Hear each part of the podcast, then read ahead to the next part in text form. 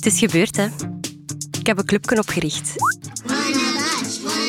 In de voorbije maanden sprak ik met de leden van Club Angst. Hey, hallo, Isabeau. Stef Leenaert. Evangeline. Hey, hallo. Ik ben Ikraan. Hey. Even Matthijs. Luna. Gian. Over de vragen dat ik ben tegengekomen sinds ik last ben beginnen krijgen van angsten en depressie. To more answers than questions. Maar terwijl ik gans die periode oprakelde, bracht dat wel veel oude angsten naar boven. Heb je dan nooit zo eens gedacht van, zou ik mij niet beter iemand zoeken dat wat normaal is of zo? Het was nogal een zot proces eigenlijk. Voor mij en voor de rest van Club Angst. One hell of a ride. Ik vraag me af hoe zij erop terugkijken. Hebben ze er iets aan gehad? I sure hope so. En wat hoop ik nu te bereiken met deze podcast? Ik babbel erover met iemand die er van in het begin bij was. Ah wel, dat is het ding. Nee, hè. ik had daar helemaal niet over nagedacht. Allee, Sophie. Ik had echt op voorhand gewoon gedacht van... Ah ja, ça va. Mijn naam is Sophie Steenhout. Op mijn zestiende had ik... Ja, we kennen het nu wel al zeker. Het is de laatste aflevering. Skip. Oké, wacht, hè, nog wat water. Ik ben aan het praten met Ella. Spannend, hè? Ja. Ik vind het ook gek dat ik nu plots deel ben van de podcast of zo. Je wordt er altijd wel deel van, wel, hè? En zij was er van in het begin bij, als strenge producer. Maar dat is hier wel serious business, hè? Let's get down to business. To the beat. The hunt. Oké, terug naar de serieuze zaken. Een van de dingen waar ik het hardst mee heb geworsteld, besprak ik toevallig met mijn voorlopig laatste clublid Ikraan. Het aanvaarden van het label dat onvermijdelijk op u plakt wanneer dat je een diagnose krijgt. Want soms is Ja. dat inderdaad ook wel nodig. Ja, maar ook gewoon tegelijkertijd is dat ook wel kut, want dat is ook een bevestiging dat je anders bent. Ja. Ik dacht dus dat ik daar al mee had gedeeld. No. Oh, you thought that. Uh, no. Maar tijdens het maken van deze podcast kwamen al die twijfels toch weer naar boven. Guess who's back? Ik weet dat dat een van uw grootste angsten is of zo. Of dat dat wel iets is, uiteraard, waar je op, op vastloopt. Hoe staat het daar nu in? Is dat nog steeds... Ik heb daar wel ergens zo wat rust in gevonden. In zo'n idee van... Zolang dat je je eigen identiteit niet gaat vasthangen aan dat label. Ja. Want dat was ook bij mij het hele ding van... Ja, schrik hebben dat andere mensen dan alleen dat label gaan zien. Of dat ik zelf alleen dat label kon zien. Ja. Terwijl dat... Het is niet omdat ik mijzelf zo dat vertel en dat dat zo is en dat er nog zit. Ten eerste dat dat voor altijd zo gaat zijn. Nee, voilà. En ten tweede, allee, of toch niet altijd zo'n prominente rol is of zo. Want nu is dat echt niet zo'n prominente rol meer in mijn leven. En ook ja, dat, dat is nog altijd aan mijzelf om, om, dat, om dat te zien als een klein deeltje en niet als alles. Voilà. Dat is heel belangrijk bij dat proces. Ik heb er dus al wat rust in gevonden. En blijkbaar was ik niet het enige lid van Club Angst die erover twijfelde om er zo open over te zijn. Hallo met Isabel. Hey Sabo, het is Sophie. Hey, dag Sophie. Hey, stoor ik? Nee hoor. Ik bel nog eens naar Isabeau, het allereerste lid van Club Angst. Ik ben mega benieuwd hoe dat nu met haar gaat.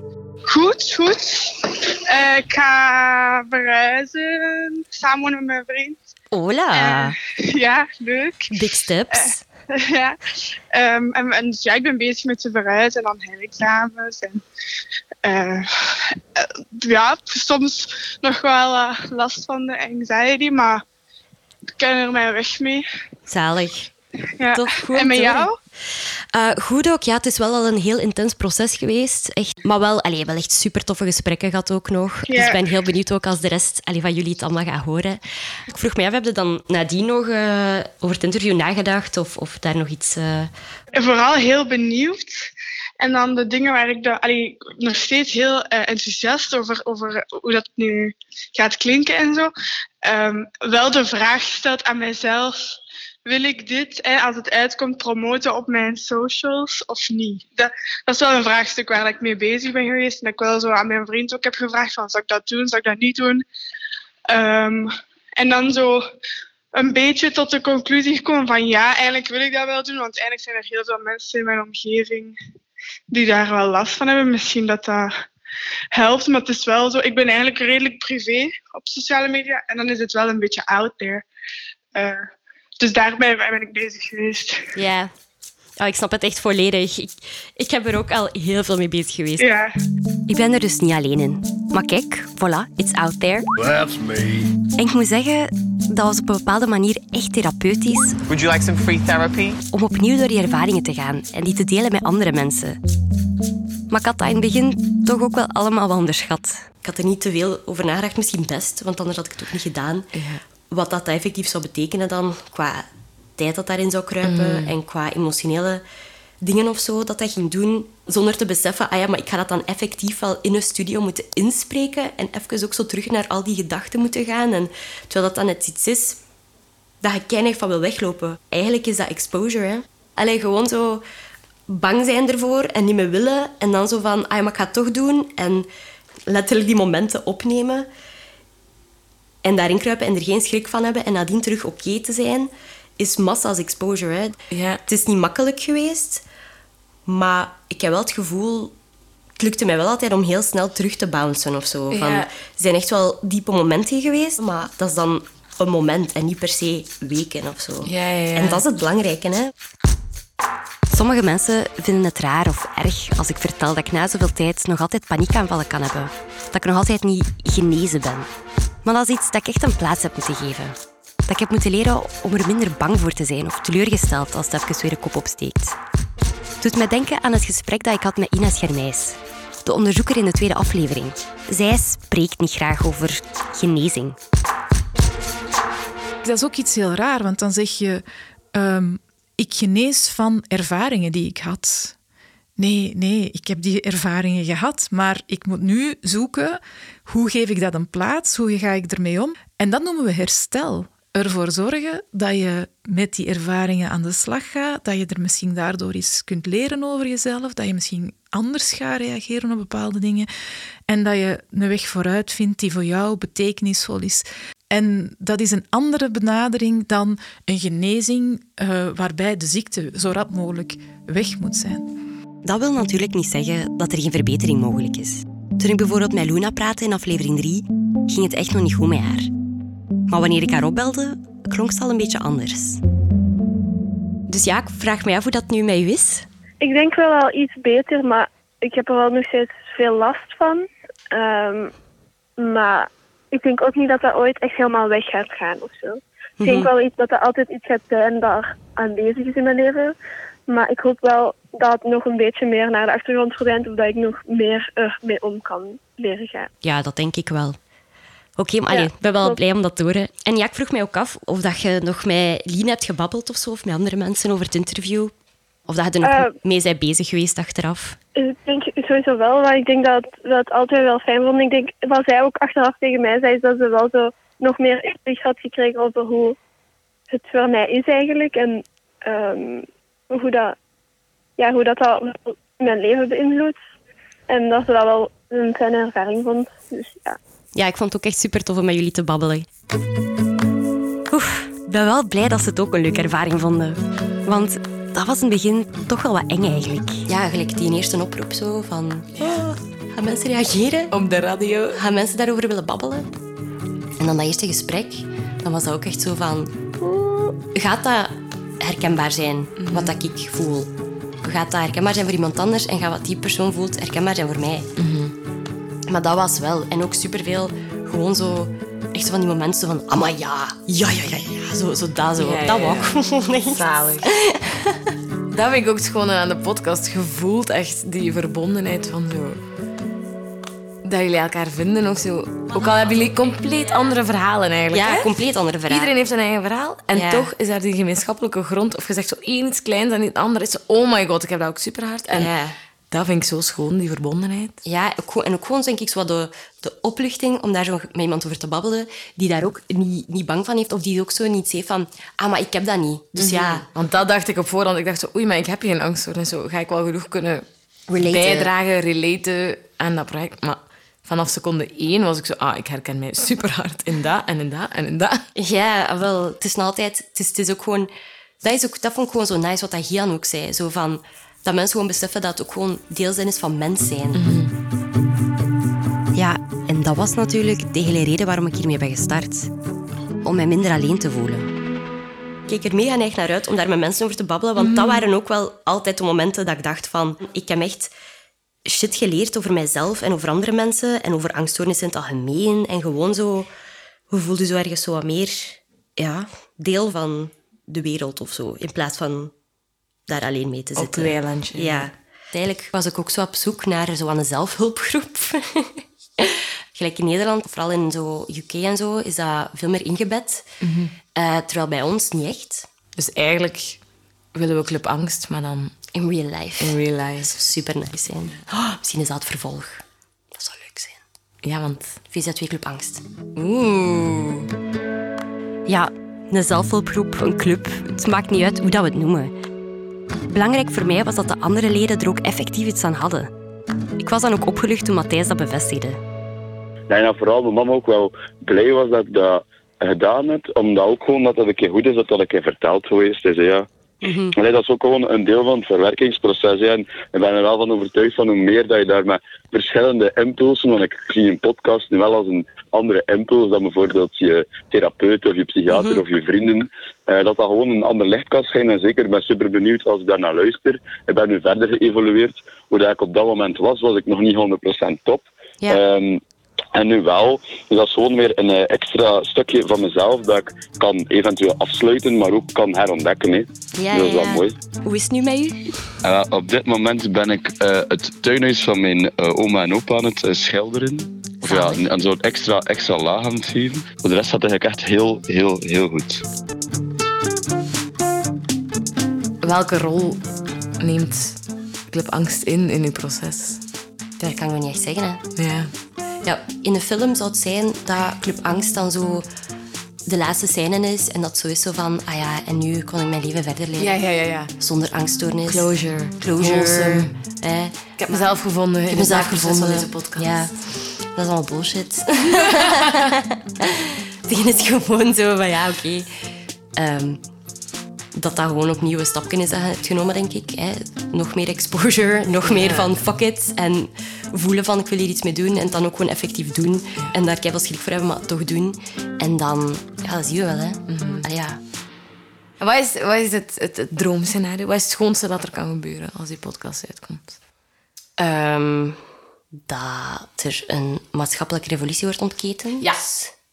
Ehm, Dat iedereen zijn hark en fakkel pakt? Yes, en dat we allemaal op straat komen en dat er meer geld moet komen Ja. voor geestelijke gezondheidszorg. Ja.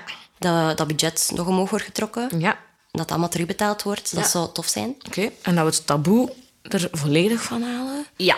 Ja. Dat zou tof zijn. Oké. En meer preventief gaan werken. Want dat is ook dingen, hè. Gewoon, waarom weten wij exact hoe dat onze cellen werken, maar weten wij niks over wat dat bepaalde gebeurtenissen in je leven kunnen doen met je, wat dat paniekaanvallen zijn, Ja. wat dat een angststoornis is. Allee, ja, ik weet hoe dat ik een integraal moet oplossen. Ja.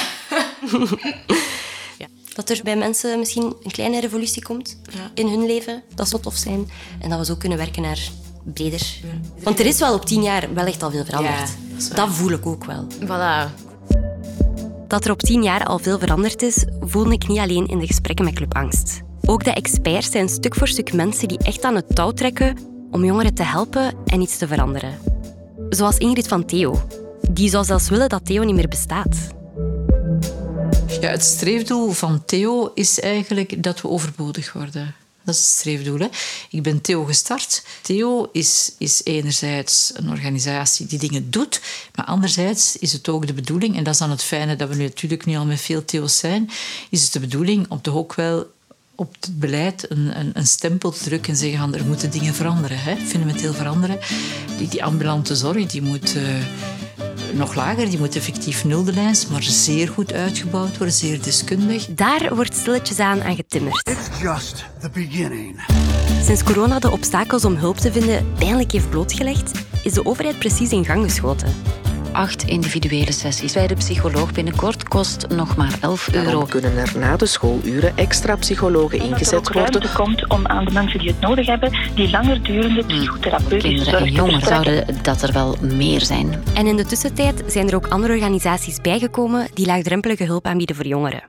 Zoals Young Phoenix in Antwerpen, die ook een eigen podcast hebben trouwens. Welkom bij de Young Phoenix podcast. De podcast waarin jongeren het woord nemen. En de Overkophuizen. Overkop is een plaats waar jongeren samenkomen om leuke dingen te doen, maar ook om over hun problemen te kunnen praten. Maar er is nog een weg te gaan. I saw that one coming. Die obstakels gaan niet van vandaag op morgen worden weggewerkt. A long road ahead. Onze mentale gezondheid is ook vervlochten met veel andere uitdagingen. Wow, that does sound like a challenge, right. Ik belde nog eens naar mijn voorlopig laatste clublid Ikraan. Wat zou voor haar het ideale scenario zijn? Dat wij eerst en vooral werken op preventie in plaats van de hele tijd crisisinterventie. En ik denk, ja, hoe, hoe kun jij werken op preventie? Ik zou zeggen, ja, het begint bij school. Hè. Snap je? Want ik heb er ook schools, het watervalsysteem en zo is ook problematisch, omdat in hoeverre dat jij wordt geholpen is ook al uh, based on welke huidskleur dat je eigenlijk pretty much hebt. In het verleden in ieder geval. Dat is mijn ervaring dat ik zelf heb gehad als kind. En ook heb gezien met, mijn, met andere kinderen van kleur dat ze eerder worden gezien als problematisch in plaats van kinderen die leerstoornissen zouden kunnen hebben. Snap je? Dus dat begint al daar al uit dat er minder vooroordelen zijn op waar mensen vandaan komen en welke problemen dat ze mee kampen. En dat dat meer serieus wordt genomen. En dat er ook gewoon ruimte is om daarover te spreken. En dat al, al die taboegezeven gewoon weg is. Ik denk ook gewoon zo... Moesten mensen eigenlijk echt beseffen dat, dat het juist heel zwak is om, om, om, om, om als maatschappij het niet toe te laten. Dat is juist heel zwak. Ja. En, en absurd. Terwijl je gevoelens echt voelen en toelaten en over die dingen te praten en zo. Dat is juist heel sterk. Snap je? Dat is een maatschappij waar ik u tegen zal zeggen. Echt een maatschappelijke verandering dus. Dat was eigenlijk ook Ingrid haar conclusie. Een meer positieve samenleving met meer echte verbindingen en, en geven om elkaar uh, en zorgen voor elkaar. Ik geloof heel erg uh, in het feit dat iedereen iets kan doen. Je hoeft geen pedagoog of psycholoog te zijn of dokter te zijn of wat dan ook. Iedereen kan, kan iets betekenen voor jonge mensen. Ik zou hier niet geraakt zijn waar ik nu ben zonder mijn vrienden, zonder mijn psycholoog. En zonder uh, de mensen die naar mijn muziek luisteren, die mij berichtjes sturen en die met mij praten. En uh, die een vak geven om mij, al kennen ze mij eigenlijk niet. Dus het is collectief, we moeten elkaar helpen. Het draait daar inderdaad om. Dat we ook veel voor elkaar kunnen betekenen, heb ik heel hard gevoeld bij het maken van deze podcast. Ik ben dan ook mega dankbaar voor alle leden van Club Angst die met mij hebben gebabbeld. Club Angst is iets waar ik eigenlijk al tien jaar nood aan had. En nu gevonden heb. Het voelt wel raar om er nu gewoon mee te stoppen eigenlijk. De club is nog niet af, hè? Nee, de club kan groeien. De club bestaat. We zijn eraan begonnen. En nu moeten we zorgen dat iedereen welkom is en erbij komt. En... Ja, die nu uh, applicatie in uh, bij... Ja. www.clubangst.be Oké, okay, die website bestaat niet echt, hè. En onze club is geen echte club. Maar toch is deze niet het einde van Club Angst. Het is nog maar het begin. Join us! Want erover praten helpt. Op je eigen tempo. Dat moet niet nu, hè. Maar weet dat je niet alleen bent. En deel uitmaakt van... And sign here, sign here, sign here. Onze Giro for Anxious People. Over and out. Dit was de laatste aflevering van Club Angst. Ik maakte dit natuurlijk niet alleen. Dus een dikke merci aan mijn producer en eindredacteur Ella van Eenden. Nicolas Delepin en Stef Leenaars voor de muziek en montage, Annie Kruids van Canvas en het hele House of Media team. Sander van Hermen, Tom van Houten en Louisa Sales. Merci aan Fabrice voor de emotional support, aan alle experten voor jullie medewerking en natuurlijk alle leden van Club Angst om jullie verhaal te delen. Isabeau, Luna, Lien, Matthijs, Nele, Gian, John, Nico, Stef, Lien, Damien, Evangeline en Ikraam. Als je nood hebt aan een gesprek, kan je altijd bellen en chatten met Teleonthaal. Of als je jonger bent dan 25 met AWEL, de gratis hulplijn voor kinderen en jongeren. Meer informatie en hulplijnen vind je op watwat.be slash praat erover.